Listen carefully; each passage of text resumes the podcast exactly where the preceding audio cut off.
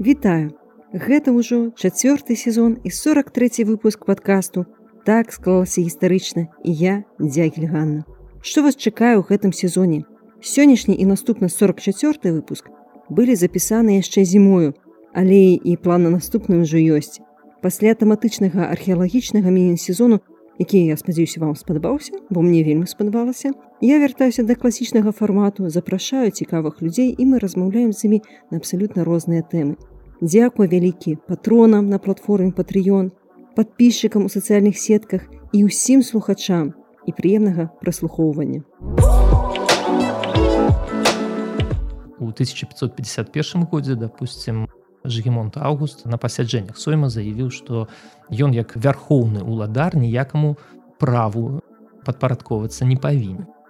У адной з прыходна-расходных кніг Магілёва адзначана, што выдаткаваны пэўныя сродкі на падарункі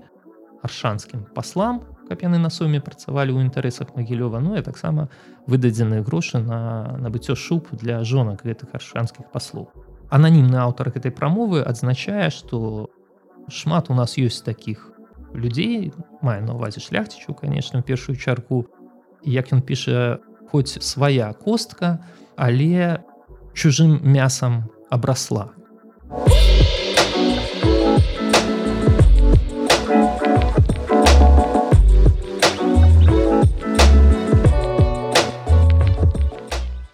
добрый дзень шаноўна гаспадарства з вами падкаст так склалася гістарычна я дзягель Ганна. Рада вас вітаць сёння ў нашым чарговым выпуску. І сёння у гасцях падкасту гісторык кандыдат гістарычных навук дацэнт владимир алексеевич падалінскі. Вітаю владимир алексеевич. Добрый дзень владимир алексеевич я наколькі ведаю вы спецыялізуецеся ў сваіх даследаваннях на такой цікавай з'яве як сеймы. Ці так это ну так вальны сойм великкага княства літоўскага пазней ужо ў часы рэчы паспалітай Ну і можна сказаць больш шырока парламенцкая сістэма. Потому что акрамя сойма існавалі іншыя прадстаўнічыя інстытуты розныя соймікі з'езды. Таму вось вывучаю менавіта гэты накірунак. Ну гэта сапраўды цікавая з'ява ў нашай гісторыі. Прадстаўнічая такая шляхецкая дэмакратыя. Скажитеце ласка ці ёсць такія блізкія альбо такія ж аналагі такіх жа інстытутаў суседніх народаў скажем так? Ну патрэбна сказаць что такая з'ява як прадстаўнічыя інстытуты улады яна характэрна фактычна для ўсёй Европы. У розных формах со сваімі асаблівасцямі але ад скажем там іспаніі португаліі да маскоўскай дзяржавы розныя формы прадстаўнічых інстытутаў існавалі якія карані прадстаўнічай дэмакраты ёсць у нас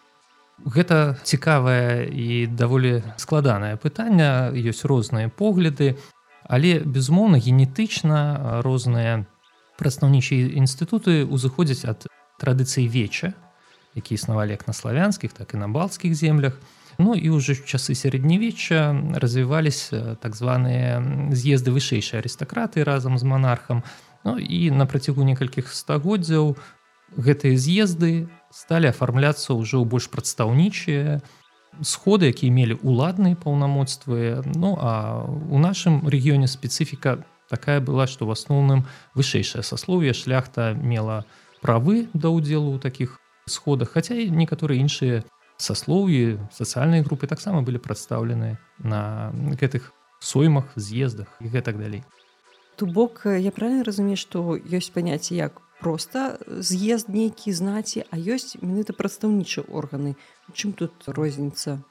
Ну першыя з'езды яны не мелі прадстаўнічага характару тому что гэта былі сходы вузкага кола набліжаных людзей да монарха яны канешне прымалі рашэнні і на агульнадзяржаўным узроўні аднак паступова патрабавалось каб гэтыя рашэнні прызнавались і на месцах няхай сабе фармальна але прадстаўнікі всіх земель сталі запрашацца на такія з'езды пры вырашэнні важнейшых пытанняў. Таму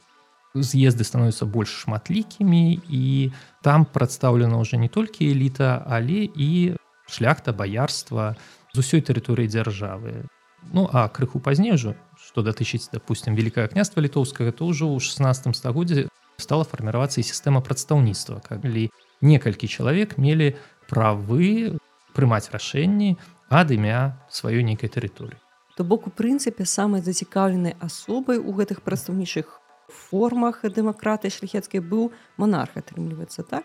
Ну скажем так і монарх і саслоўе у час станаўлення гэтых інстытутаў ініцыятыва належала монарху у скліканні з'ездаў які затым аформіліся у соймы і монарху патрэбна была згода всяго насельніцтва няхай сабе яшчэ раз падкрэслю фармальная але гэта надавала як бы легітымнасць прынятых рашэннях ну а затым уже па меры пашырэння сацыяльных правоў таго ж баярства шляхты і па меры росту палітычнай актыўнасці гэтых слаёў насельніцтва яны таксама былі зацікаўлены ва ўдзеле ў кіраванні дзяржавай ну і ў рэалізацыі нейкіх сваіх патрэб інтарэсаў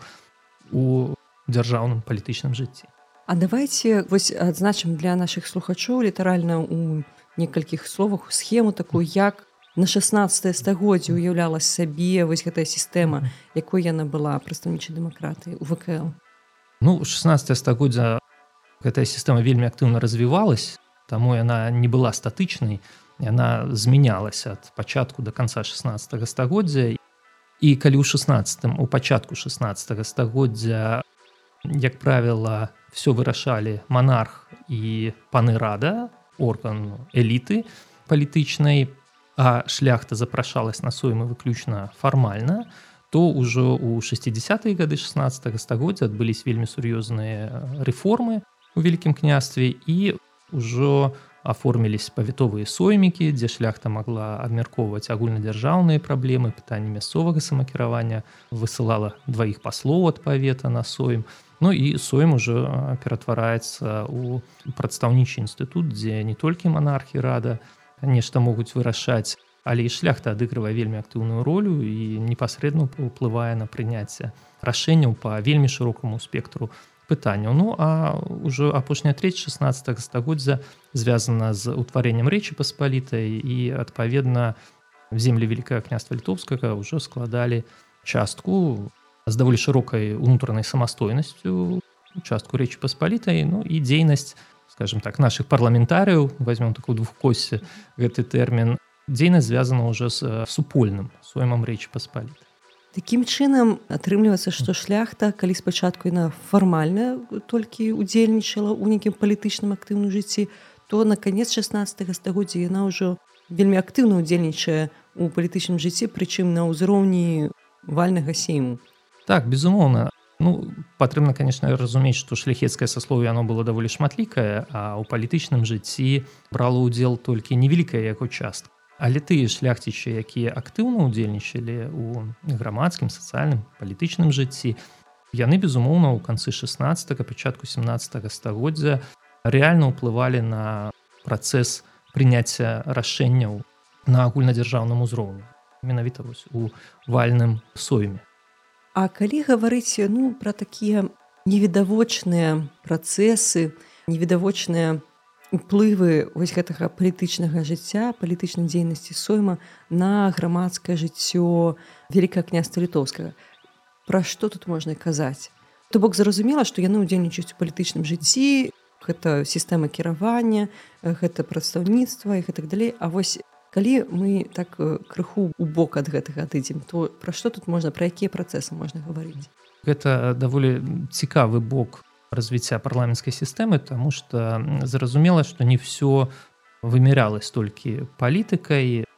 вальны сойм великкае княства літоўскага затым уже речи паспалітай гэта быў па сутнасці цэнтральны элемент палітычнай сістэмы дзяржавы і зразумела что па-першае там разглядались пытанні вельмі шырокага спектру. Не толькі допустим там законатворчасць і ухвалення падаткаў ці знешняя палітыка але і пытанне рэлігійнага жыцця нейкія сацыяльныя працэсы рэгулявались эканоміка культура что заўгодна Таму можна вылучыць розныя вымярэнні дзейнасці сойма і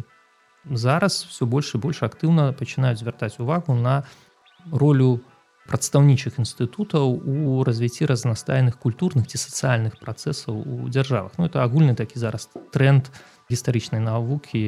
еўрапейскай так і такім чынам пявальны сем гэта ну давайте паговорам пра сацыяльныя працэсы. Як уплывае дзейнасць сеймов ну, не толькі вальнага мясцовых семах на шляхецкай саслоўі напрыклад? Ну, сойм паколькі гэта быў агульнадзяржаўны інстытут улады яго сутнасць была ў тым каб сабраць шляхту з розных рэгіёнаў дзяржавы каб яны зацвердзілі тое ці іншае рашэнне Таму на маю думку сойм быў адным з важнейшых фактараў палітычнай інтэграцыі вышэйшага саслоўя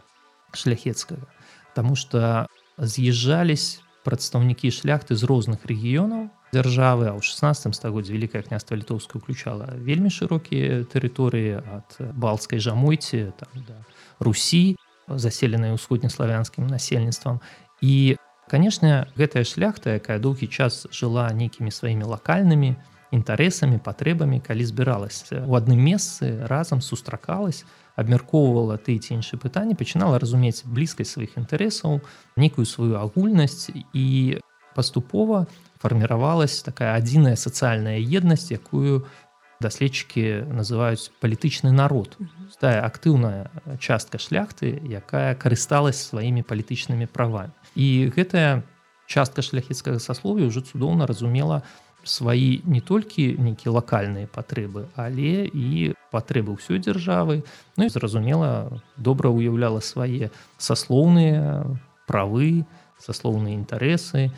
і вось адбывалася інтэграцыя менавіта на аснове сумеснай сацыяльнай палітычнай дзейнасці прычым што важна незалежна ад этнічнага паходжання і канфесійнай прыналежнасці Таму што шляхта у вКл была надзвычай стракатая ў гэтым плане. Это і балцкае і славянскае насельніцтва і праваслаўныя католікі сярэдзіне 16 стагоддзя яшчэ пратэстанцкай шляхты было вельмі шмат і вось вальны сойм ён быў такім месцам дзе з розных рэгіёнаў шляхта рознага этнічнага паходжання рознай канфесійнай прыналежнасці адчувала сваю еднасць і у гэтым плане сойм канешне кансалідаваў вышэйшае саслоў бок шляхта яна паглядзеўшы адзін на аднаго яна ўсведамляла што шмат у нас чаго агульнага так? А вось для дзяржавы сойм ён якую ролю выконваў у камунікацыі з гэтым вось палітычным народам? Дякую вельмі цікавае пытанне. Важный аспект. Справа ў тым што шляхта сабраўшись на сойме і прыняўшы нейкае рашэнне безумоўна імкнулась каб ты працэсы унутранай знешняй палітыкі якія адбывались яны станавілись больш вядомымі шырокім колам шляхецкага саслоўя. Таму сойм становіцца важным элементам калі так можна сказаць у распаўсюджванні інфармацыі. У дзяржаве і тут вялікую ролю адыгрывала і распаўсюджвання друкаванай культуры бо якраз 16 стагоддзя час распаўсюджвання кніга друку таму як вялікім княстве літоўскім так і ў некаторых іншых рэгіёнах Еўропы гэта даволі заўважна што шляхецкае дваранскае саслоўе яно пачынае актыўна настойваць на тым каб рашэнні ты ці іншыя рашэнні соймаў друкавались і такім чынам былі больш доступныя для шырокіх колаў насельніцтва. Ну зразумела у прывіляваных колаў насельніцтва адукаваных ты хто у гэтым сацыяльным і палітычным жыцці актыўна ўдзельнічаў. Ну што датычыць допустим наших земель то даволі выразна можна ўбачыць імкнення шляхты дабіцца друку статута. Якраз у сярэдзіны 16 стагоддзя калі пачалась падрыхтоўка да стварэння новага статута які стане другім статутам 1566 года шляхта неаднаразова патрабавала каб гэты статут быў надрукаваны і каб туды былі ўключаныя акрамя звычайных статутных артыкулаў яшчэ і агульназемскія прывілеі якія вялікія князі літоўскія выдавалі на працягу ўжо некалькіх стагоддзяў. І безумоўна гэта патрабаванне мы можемм разумець як імкнення шляхты зрабіць свае правы вядомымі максімальна шырокай колькасці шляхту першую чарку конечно Таму что тут паўстае пытанне наколькі шляхта ведала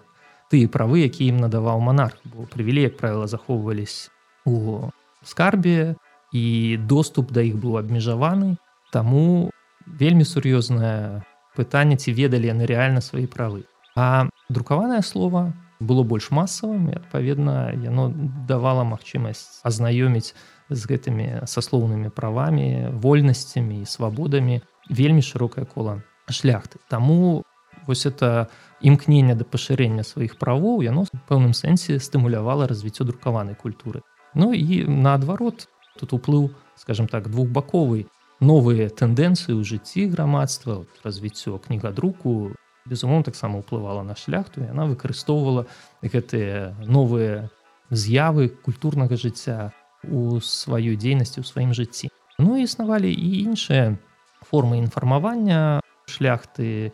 тыя прадстаўнікі земель паветаў якія прыязджалі на соймы пасля павінны былі браць копіі соймых рашэнняў прывозіць іх у паветы і інфармаваць шляхту аб тым што ж яны там вырашылі пра што яны там дамовіліся. Таксама ўжо ў часы рэчы паспаліты ў канцы 16 стагоддзя была такая практыка калі ў соймавых рашэннях асабліва агаворвалась што канцылярыя великкае княства літоўскага абавязана стварыць копіі нейкіх рашэнняў і разаслаць іх у паветы давесці да ведама шляхты ну допустим у 1581 годзе калі быў прыняты трыбунал вышэйшая апельцыйная судовая інстанцыя у вКл то на сойме было прынята рашэнне што копіі гэтага трыбуналу будуць на старабеларускай мове разасланы ва ўсе паветы великкае княства літоўска ну, сам трыбунал был надрукаваны крыху пазней 1586 годзе так что безумоўна сойм быў таким важным элементам інфармавання шляхты і не толькі сам соем увогуле парламенцкая сістэма яна дазваляла шляхетству азнаёміцца з актуальнымі пытаннямі як унутранай так і знешняй палітыкі. Паколькі перад кожным соймам збірались павятовыя сойнікі дзе шляхта той ці іншай адміністрацыйнай адзінкі павінна была выбраць паслоў на сойм абмеркаваць нейкія пытанні то ад імя караля на кожны соймік высылалась спецыяльная інструкцыя якая агучвалась каралеўскім паслом і у гэтай інструкцыі выкладались тыя пытанні якія стаяць перад сойма. Это быў вельмі важны момант інфармавання шляхты Таму что крыніц інфармацыі было мала у той час. Зразумела что такой разгалінаванай сістэмы сродкаў масавай інфармацыі тады не існавала і часта шляхта менавіта ў час соймавай кампаніі могла азнаёміцца з тым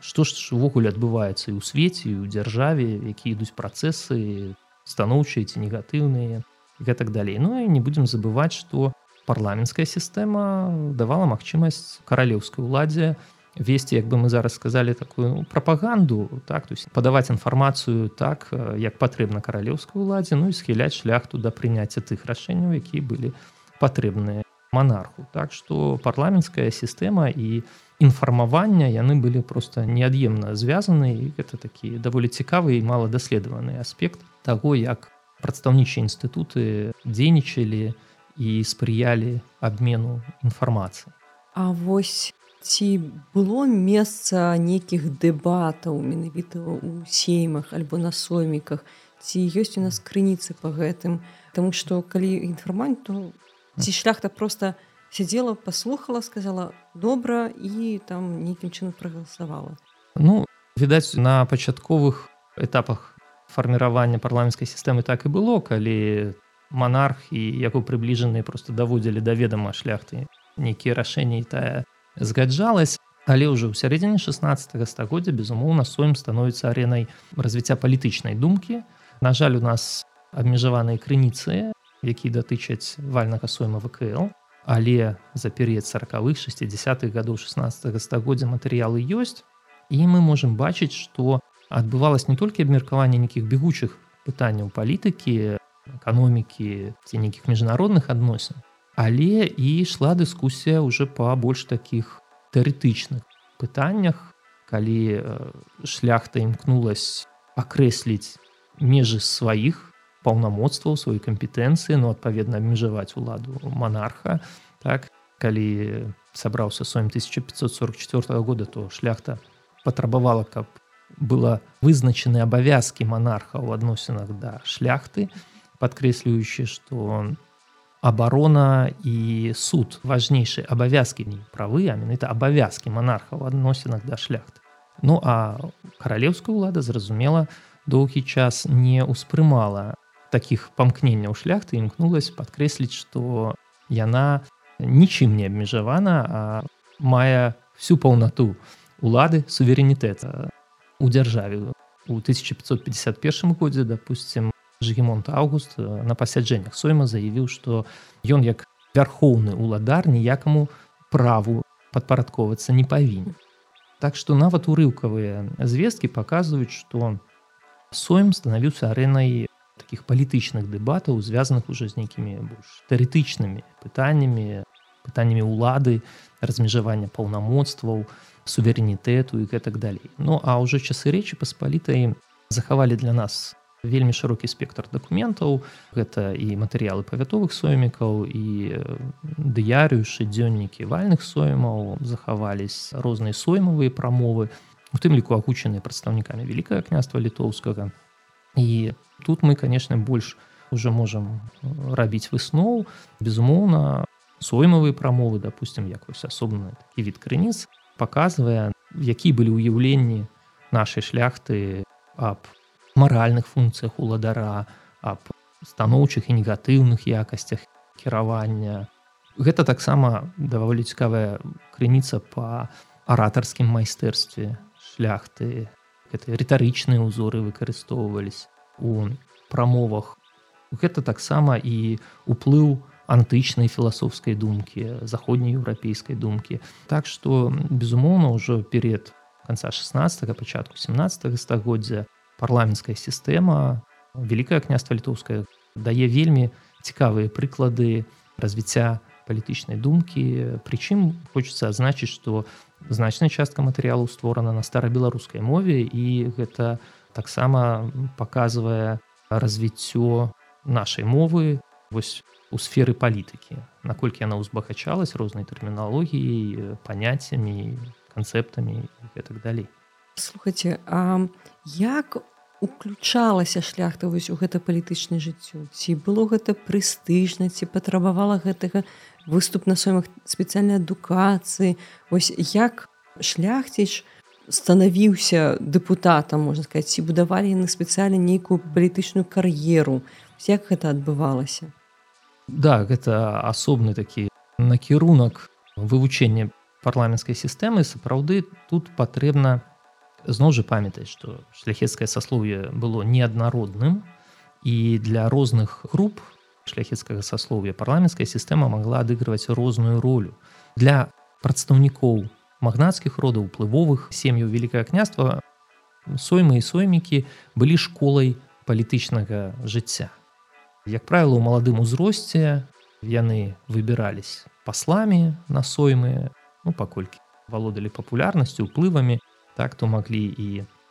у даволі маладым узросце паехаць на сойм і адпаведна там праявіць свае аратарскія здольнасці паказаць себе перад манархам паказаць веданне тых ці іншых праблем дзяржаўных і такім чынам набыць вопыт набыць вопыт палітычнага жыцця. І для такой моладзі парламенцкая сістэма не была прыступкай кар'еры палітычнай это была хутчэй за ўсё просто школа. Яны і так хутчэй за ўсё сталі сенатарамі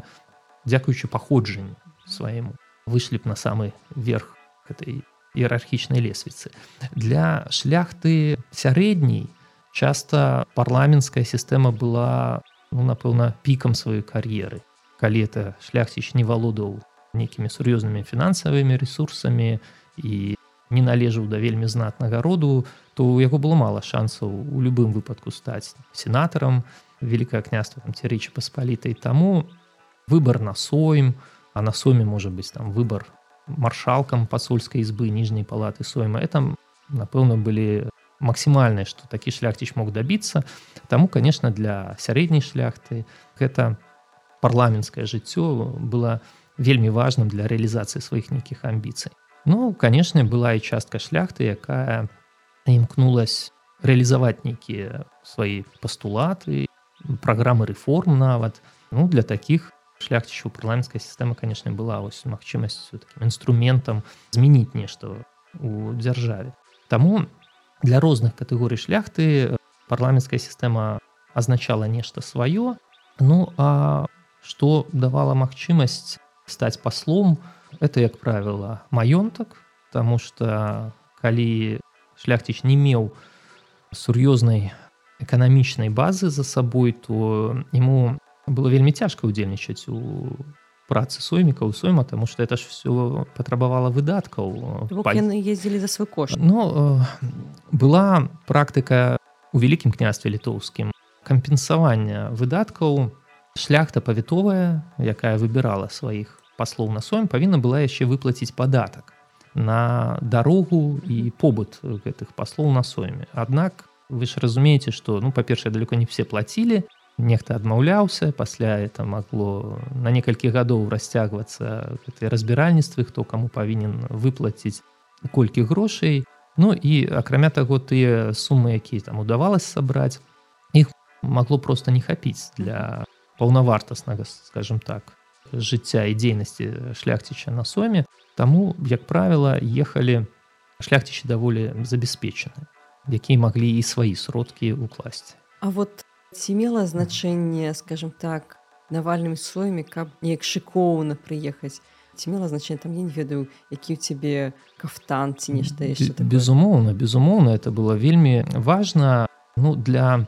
шляхты зноў жа сярэдняй такой дробнай у нас няма столькі інфармацыі а допустим сенатары багацейшыя якіх мы так адносім да групы магнатаў безумоўна іх уезд на сойм у горад дзе праходзіў сойм. Это была асобная цырымонія асобны можна нават сказаць рытуалы людзі в'язджалі ў спецыяльным урачыстым адзенні ў суправаджэнні сваёй аховы якая таксама была апранута вельмі значна часто ў суправаджэнні з залежнай шляхты сваіх кліентаў то есть это маглі быць там нават сотні людзей такая світа і уезд у горад такога сенатара это была падзея якая адлюстроўвалася у дзённіках соймавых у лістах у іншых крыніцах безумоўна это был такі сродак рэпрэзентацыі себе паказаць наколькі чалавек уплывовы важны ну а калі на сойме там чакаўся нейкі канфлікт то это яшчэ была і магчымасць прадэманстраваць сілу сваю што вот са мной там некалькі соцен узброеных людзей таму давайте будете лічыцца с маім меркаваннем так что безумоўна як зараз это прынята называть сімвалічная камунікацыя она была вельмі важная і у меру магчымасцей показывалі себе конечно дробная шляхта не могла шмат выдаткаваць на такую рэпрэзентацыю ну а магнаты трацілі там сотні тысячи злотах безумоўна это был вельмі важны элемент такой палітычнай культуры А вось адукацыя нейкім чынам уплывала на таго каго выбіралі паслом ці не мела значэння Ну у ідэале тэарэтычна скажем это павінна было б уплываць але крыніцы не пацвярджаюць таго факту што это быў важнейшы фактор. Безумоўна тыя шляхцічы якія валодалі адукацыяй добрай адукацыі універсітэцкай адукацыі і былі актыўнымі ў палітычным жыцці гэта дадавала ім аўтарытэту сярод шляхты і мы ведаем што шмат людзей якія сябе так рэалізавалі ў палітыцы былі даволі адукаванымі як той же там допустим леў сапека усім вядомы ці іншыя Аднак далёка не заўсёды адукацыя была нейкім важнейшым фактарам які ўплываў на выбар пасла часам мы ведаем што абірались людзі зусім без сур'ёзнай падрыхтоўкі адукацыі. Таму гэта было відаць пажадана але не неабходна ўсё ж таки напэўна мела значэнне паходжання багацце рэпрэзентацыя аўтарытэт аўтарытэт у сваім асяроддзе калі асабліва што датычыць той же павятовай шляхты былі роды якія допустим там на працягу некалькіх пакаленняў трымалі мясцовыя пасады былі вядомыя мясцовай шляхце мелі аўтарытэт прэстыж. І вось это был напэўна важнейшы фактор для выбара таго ці іншага шляхціча паслом наколькі ён папулярны аўтарытэтны у сваёй мясцовай карпорацыі вось гэта было важно. Но ўжо у часы крызісу парламенцкай сістэмы рэчы паспалітай уже там у другой полове 17 18 стагоддзе вельмі часта просто уплыў магнатаў уплываў на выбор такой ці іншага пасла пасламі выбіралі кліентаў магнацкіх але так ці інакш все роўна пажадана каб гэты чалавек у тым ці іншым павеце карыстаўся нейкай папулярнасцю. Слухайте а за кошт чаго ён мог карыстацца папулярнасцю такое пытанне? Аўтарытэт мог складвацца некалькі пакаленняў. Калі людзі той ці іншай сям'і праяўлялі сябе ў розных сферах жыцця ці гэта быў нейкі мясцовы суддзя справядлівы які там адпаведна закону суддзіў можа яшчэ які-нибудь продкі вызначылись на вайне альбо праявілі сябе там у дыпламатычнай нейкай дзейнасці ну может быть просто былі хорошыя людзі добра ладзілі са сваімі суседзямі таму что таксама патрэбна памятаць что сувязі у шляхецкім асцяроддзі былі не толькі як мы их называем вертыкальнымі паміж там магнатамі і іх кліентамі але і так званыя гарызантальныя э, суседска-сваяцкія сувязі шляхта мела сваіх суседзяў была звязана з тымі ці іншымі сем'ямі сваяцкімі сувязямі і вось такія нефармальныя моманты яны і стваралі імідж нейкай сям'і нейкага роду і канкрэтнага чалавека. Так што не толькі крытэрій там допустим адукацыі і багацця уплывалі але і крытэрыі вось такога аўтарытэта сваёй карпорацыі і часта дзеці маглі карыстацца можа нават незаслужана это часам там у палемічнай літаратуры пішуць што пісалі там 16 17 стагоддзе што не павінен аўтарытэт бацькі пераносіцца на дзяцей але часта так бывала што бацька себе праявіў у палітыцы вельмі добра пакінуў пасля сябе добрую памяць ну яго дзеці таксама карыстались гэтай славай і займалі пасады там выбірались на соймы. Так что вельмі часто такія вось нефармальныя моманты яны былі вельмі важныя для парламенцкай кар'еры тых ці іншых шляхцічаў давайте вернемся крыху вось да статута другога. Вы упомянулі што шляхта дабівалася друку другога статуту але ён жа такі не быў надрукаваны. А надрукаваны быў толькі трэці статут прычым яго надрукаваў галіў сапега. Вось што давала ось ліву сапега тое што ён атрымаў права друкаваць гэты статут. Гэта ж ну, выдаткі былі гэта ж ну, альбо гэта ён не за свае грошы. Што яму гэта давала? Конечно цяжка сказаць это за льва ивановича сапегу але напэўна гэта давала ему значныя плюсы у двух таких аспектах. Па-першае да ён за свой кошт выдаў статут ён уклаў свае сродкі у друкавання статута і статут жа выходзіў некалькімі накладамі мы все ведаем выданне 1588 года але у 90-е гады 16 стагоддзя яшчэ выйшла некалькі накладаў третьего статута вКл і леў сапега атрымліваў скажем так прыбытак ад іх продажу. Это яго укладання грошаў оно было не нейкай такой спонсорскай падтрымкай ён меў прыбытак ад рэалізацыі ад продажу статуту бо статут прадаваўся быў вельмі высокі попыт на яго таму цяжка сказаць колькі але хутчэй за ўсё леў сапега тут зарабіў на гэтым мерапрыемстве так што такі камерцыйны аспект не патрэбна адкідваць але ну не ведаю наколькі это было важна для яго ну для нас напэўна дзякуючы выданню статута леў сапега застаўся у нашай гістарычнай памяці як вельмі адукаваны палітык патрыёт сваёй дзяржавы Таму что там была надрукавана прамова якую напісаў леў сапега яго прамова з'яўляецца ну напэўна адным з самых яркіх помнікаў правовой думкі. Гісторыя там не толькі Беларусь вугле ўсяго вялікае княства літоўскага 16 стагоддзя. Таму ён увайшоў у гісторыю як ось такі прыклад палітыка які дбае пра дзяржаўнае добро пра інтарэсы сваёй айчыны і гэтак далей. Так што я думаю што леў сапега тут у любым выпадку выйграў у тым што дапамог надрукаваць гэты статут фінансава. Ну і вось застаўся у нашай памяці. І настолькі ён звязваецца яго прозвішча звязваецца з третьим статутам что яго называюць уже не адно хіба стагоддзя называюць аўтарам третьего статута хотя гэта абсалютна не так але леў сапега і третий статут зараз напэўна неад'емныя часткі нашай гістарычнай памяці. А вось вы можете прывесці нейкія прыклады таких рашэнняў якія шляхта дабівалася дабівалася і дабілася сваіх правоў нейкіх рашэнняў на сеймах ці нешта такое? Ну калі мы говорим про 16 стагоддзя то хіба першае что прыходзіць на розум гэта доўгія доўгія патрабаванні шляхты увесці у паветах у адміністрацыйных адзінках вКл выбарныя суды. І да сярэдзіны 16 стагоддзя судовая сістэма вКл выглядала так што частка вышэйшага саслоўя тых хто ўваходзіў склад пану рады яны былі падсудны толькі великкаму князю літоўскаму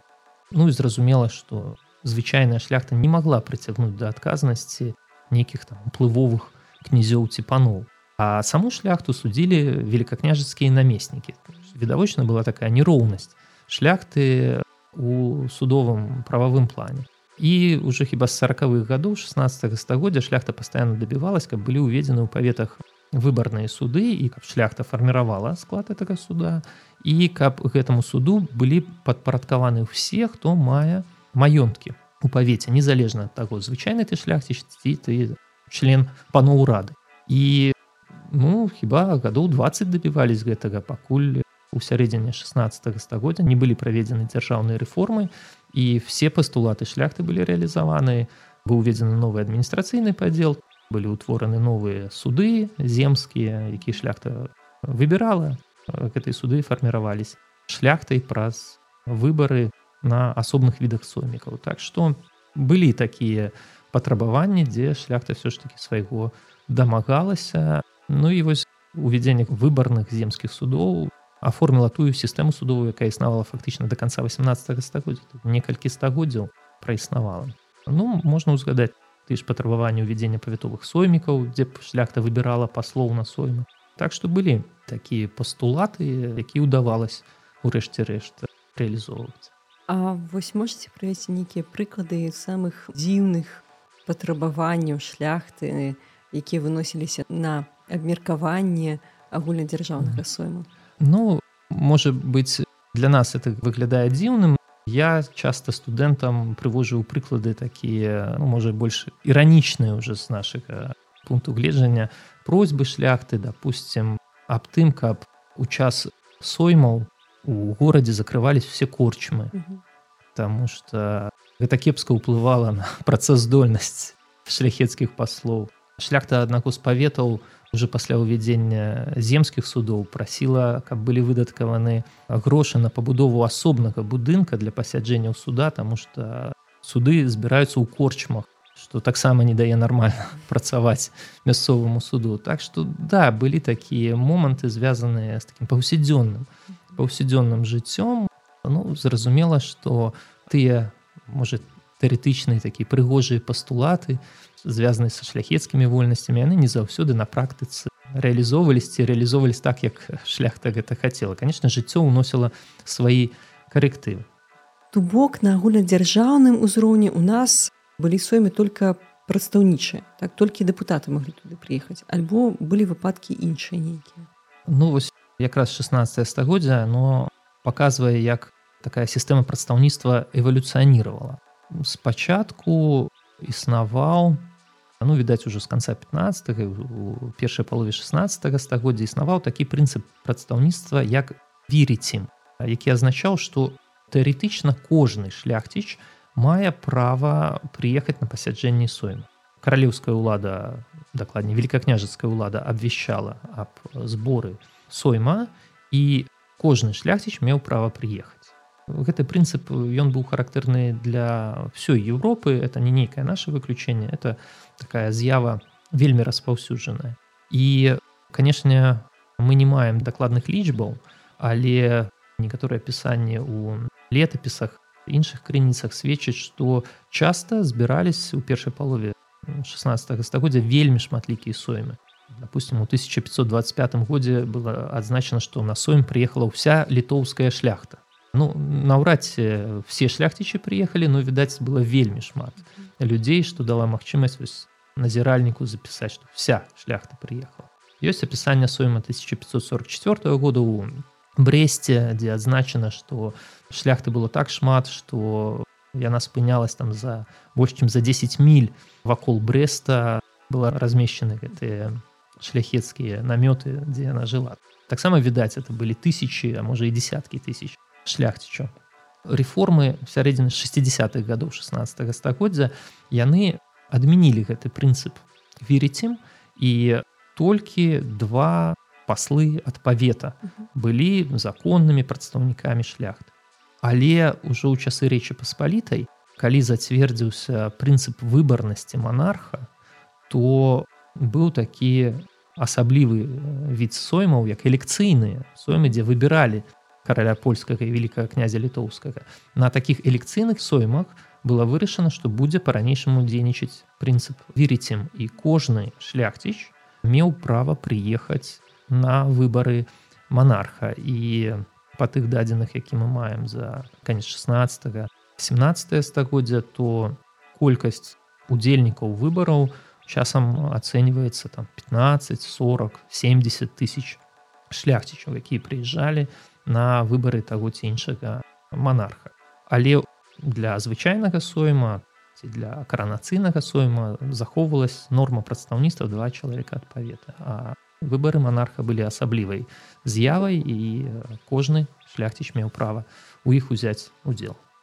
Ага. А вось яшчэ такое пытанне. Калі у нас збіраецца сойм то гэта ж напэўна цікава не толькі шляхцічам напэўна іншым сасловім таксама было цікава нейкім чынам паўплываць на рашэнне ці там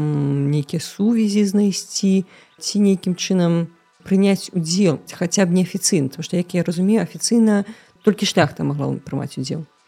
Гэта пытанне даволі складанае тому что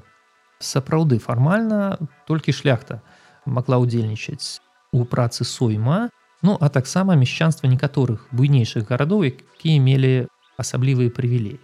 Ну, калі казаць непасрэдна пра вялікае княства літоўскае, то напэўна тут варта ўсё ж таки дзеліць да люблінскай уніі пасля люблінскай уніі да люблінскай уніі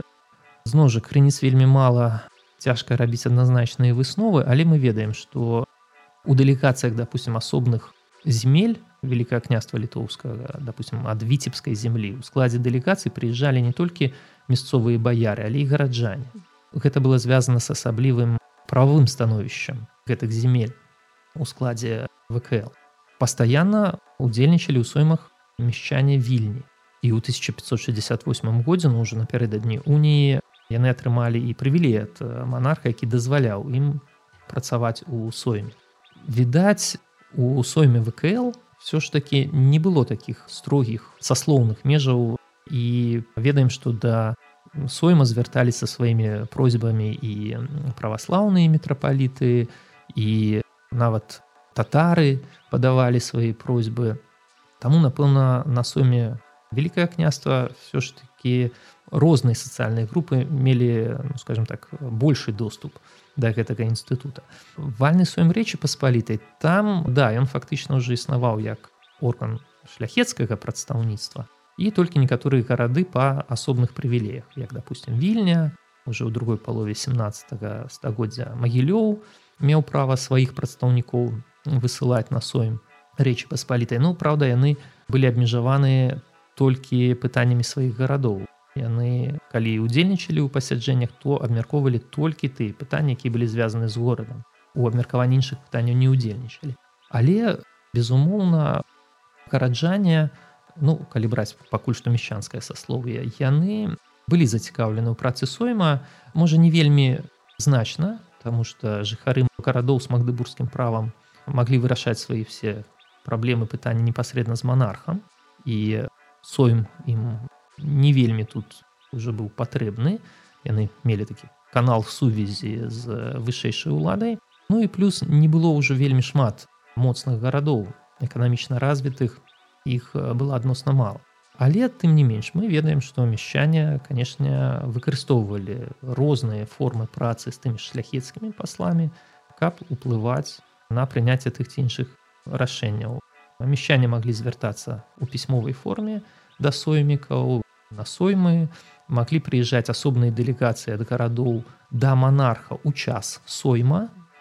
каб у час сойма атрымаць нейкія рашэнні ну, і відаць это павышала значнасць такога прывілея монарха ну а былі і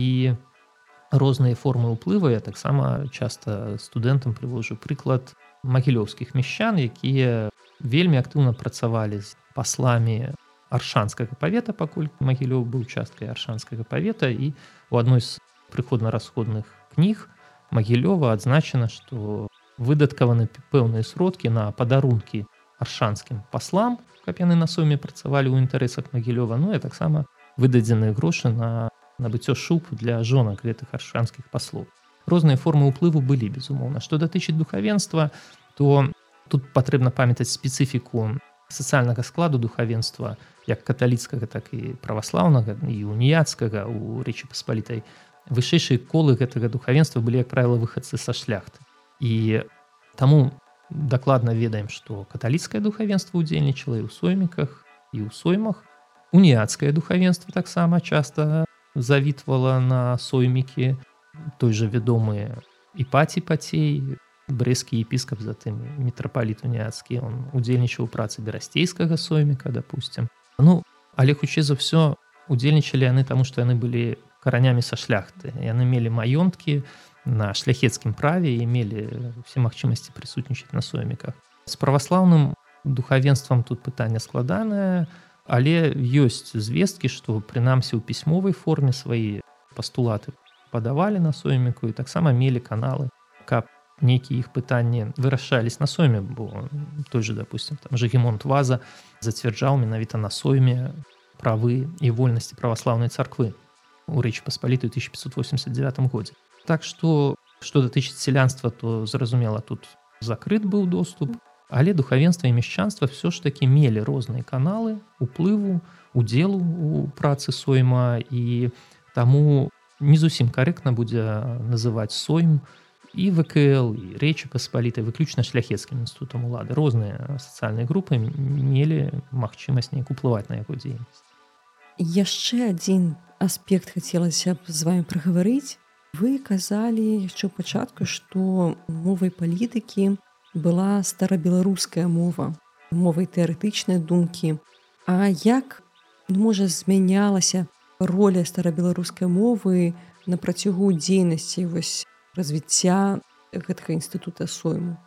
неабходна адзначыць што у 16 стагоддзе ось на мой погляд якраз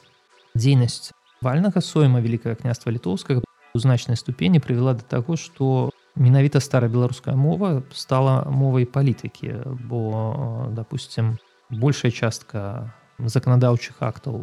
калі мы кажам пра прывілеі земскія агульназемскія прывілеі конца 14 15 нават пачатку 16 стагоддзя яны выдавались на лацінскай мове то вось уже дзейнасць сойма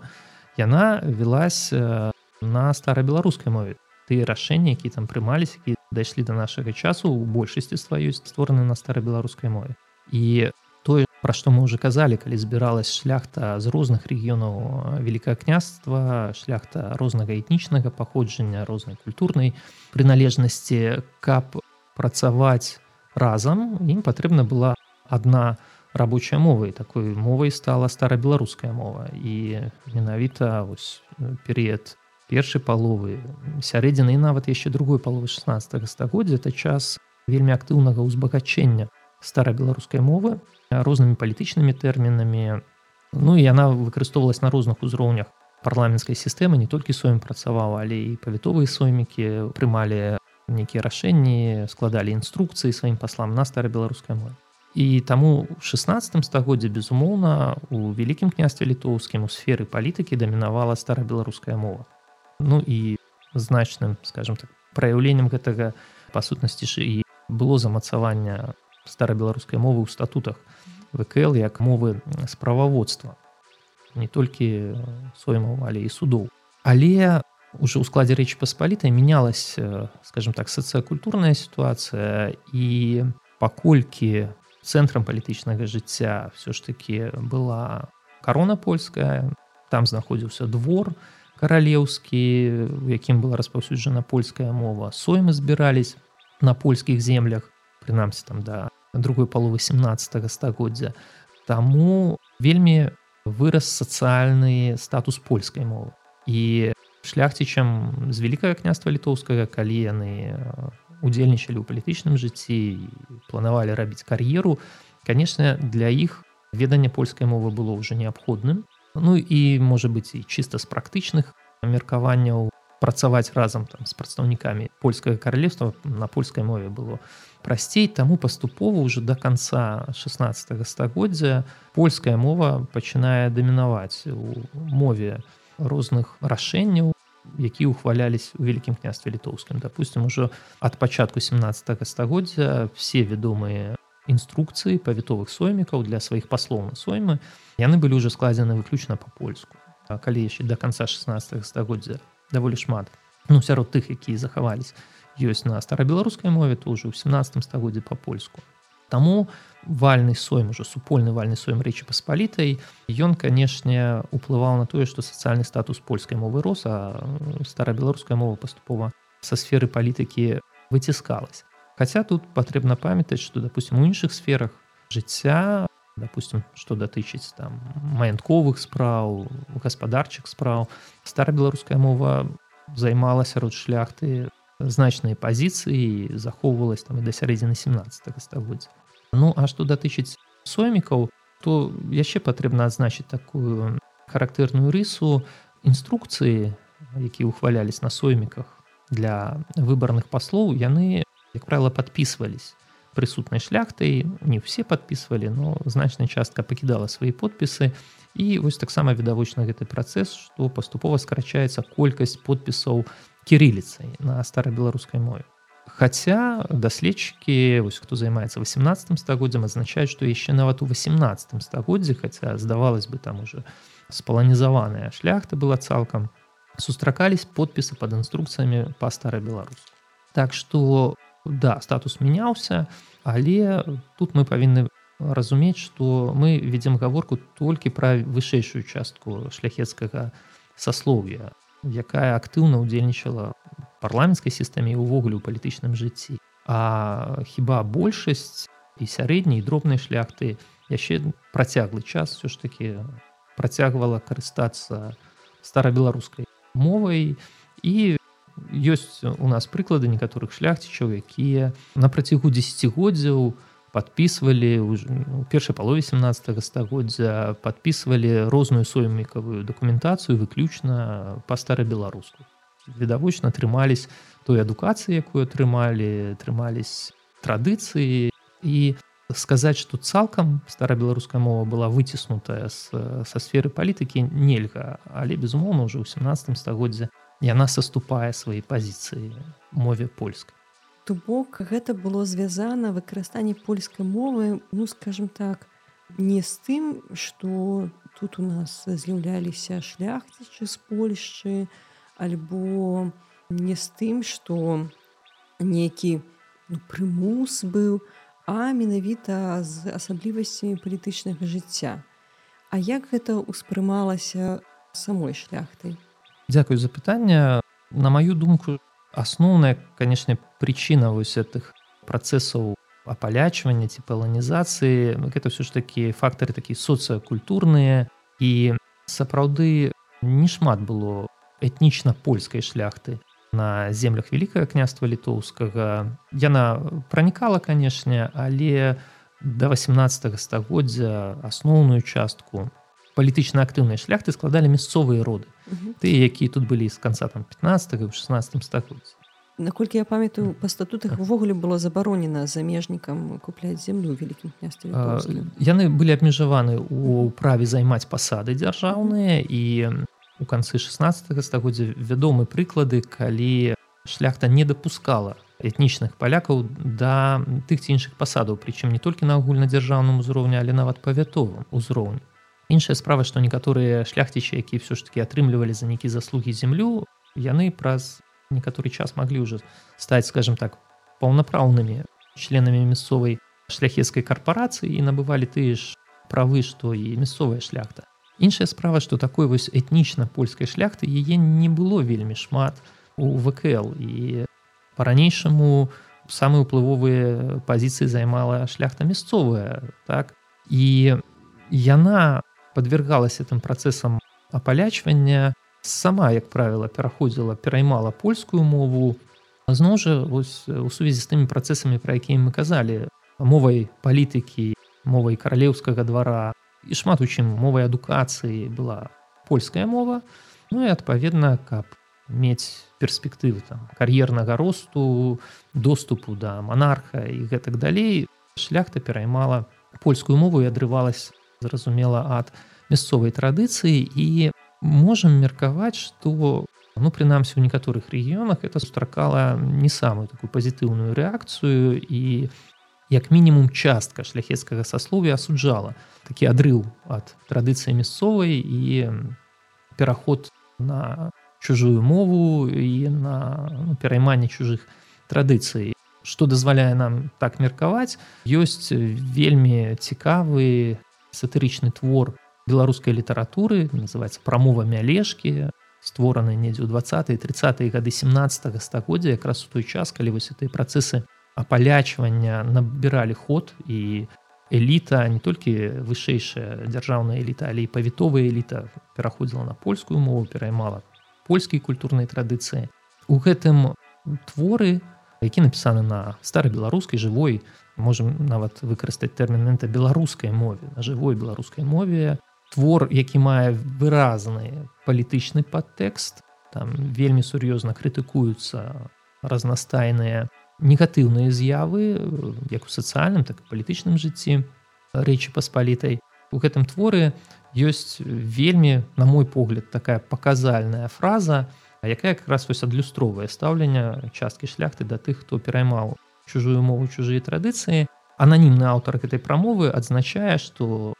шмат у нас ёсць таких людзей мае на увазе шляхцічу конечно першую чарку як ён піша хоць свая костка але чужым мясам абрасла. Гэта безумоўна адносіцца да тых людзей якія адмаўляліся ад сваёй традыцыі адрываліся і пераймалі традыцыю чужую. Ну так ты больш для шляхты адным з таких фундаментальных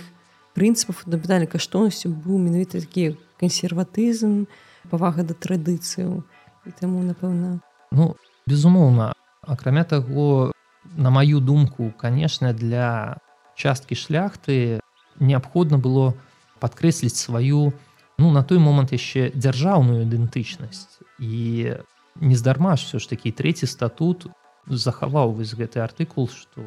справаводства павінна было весціць на старабеларускай мове. Хаця працэсы апалячвання ў вышэйшых слаях грамадства ўжо ў канцы 16 стагоддзя набылі значныя працэсы але гэты артыкул быў захаваны увайшоў склад статута і мне здаецца это была спроба ось падкрэсліць гэтую сваю дзяржаўную ідэнтычнасць што мы все ж такі адрозніваемся мы не частка каралеўства польскага мы все ж такі шляхта вялікага княства літоўскага і у нас ёсць свая традыцыя ну ось у тым ліку яна праяўлялася і ў мове справаводства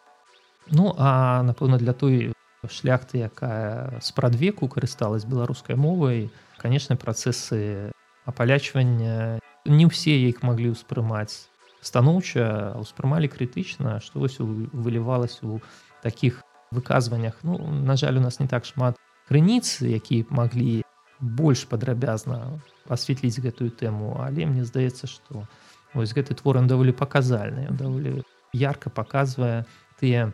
з'явы менавіта вось культурныя вельмі часта у культурным жыцці адрыва традыцыі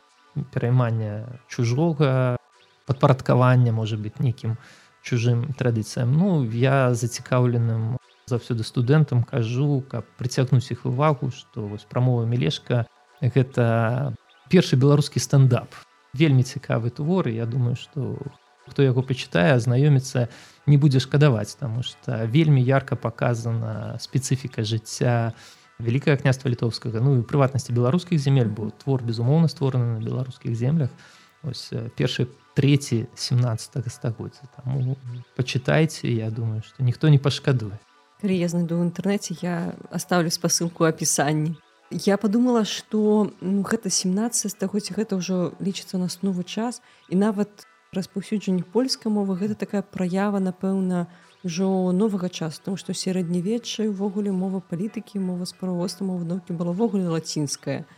І гэта нават такі працэс у працэсе здаецца. Можна і так падысці да гэтага пытання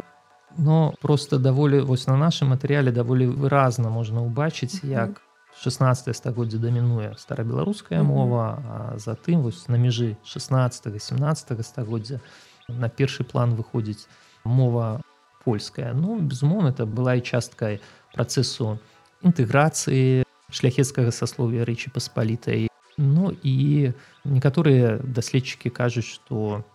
паколькі частка шляхтавы кл імкнулась да поўнай роўнасці ў правах усяго шляхецкага сасловия па ўсёй рэчы паспалітай то ну ось польская мова станавілась таксама таким паказчыкам прыналежнасці да гэтага агульнага шляхецкага сасловия всёй дзяржавы так што працэсы былі складаныя шлі на розных узроўнях ось ну для беларускай мовы не заўсёды гэтыя працэсы былі станоўчы Такім чынам можна зрабіць выснову што імкненне ад пачатку просто праінфармаваць шляхту прывяло у нас да абмежавання ўлады караля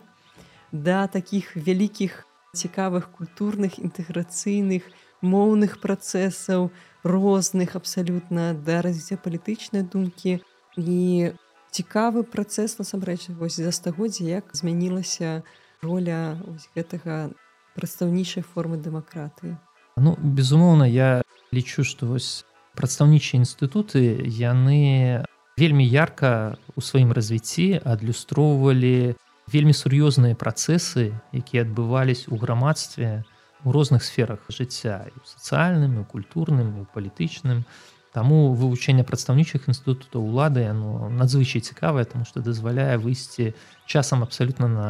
нейкія нечаканыя сюжэты і паглядзець на нашу гісторыю з нейкага новага пункту гледжання заўважыць нейкія станоўчыя можа негатыўныя бакі нашага мінулага Ну так пачынаючы з сумневаў у найвышэйшай ролі караля да шубаў жонкам дэпутатаў так розныя аспекты розныя ўзроўні ну, тым гэтая тэма і вельмі цікава. Дзякуй вялікі Владзімир Алексеевич за такую цікавую размову.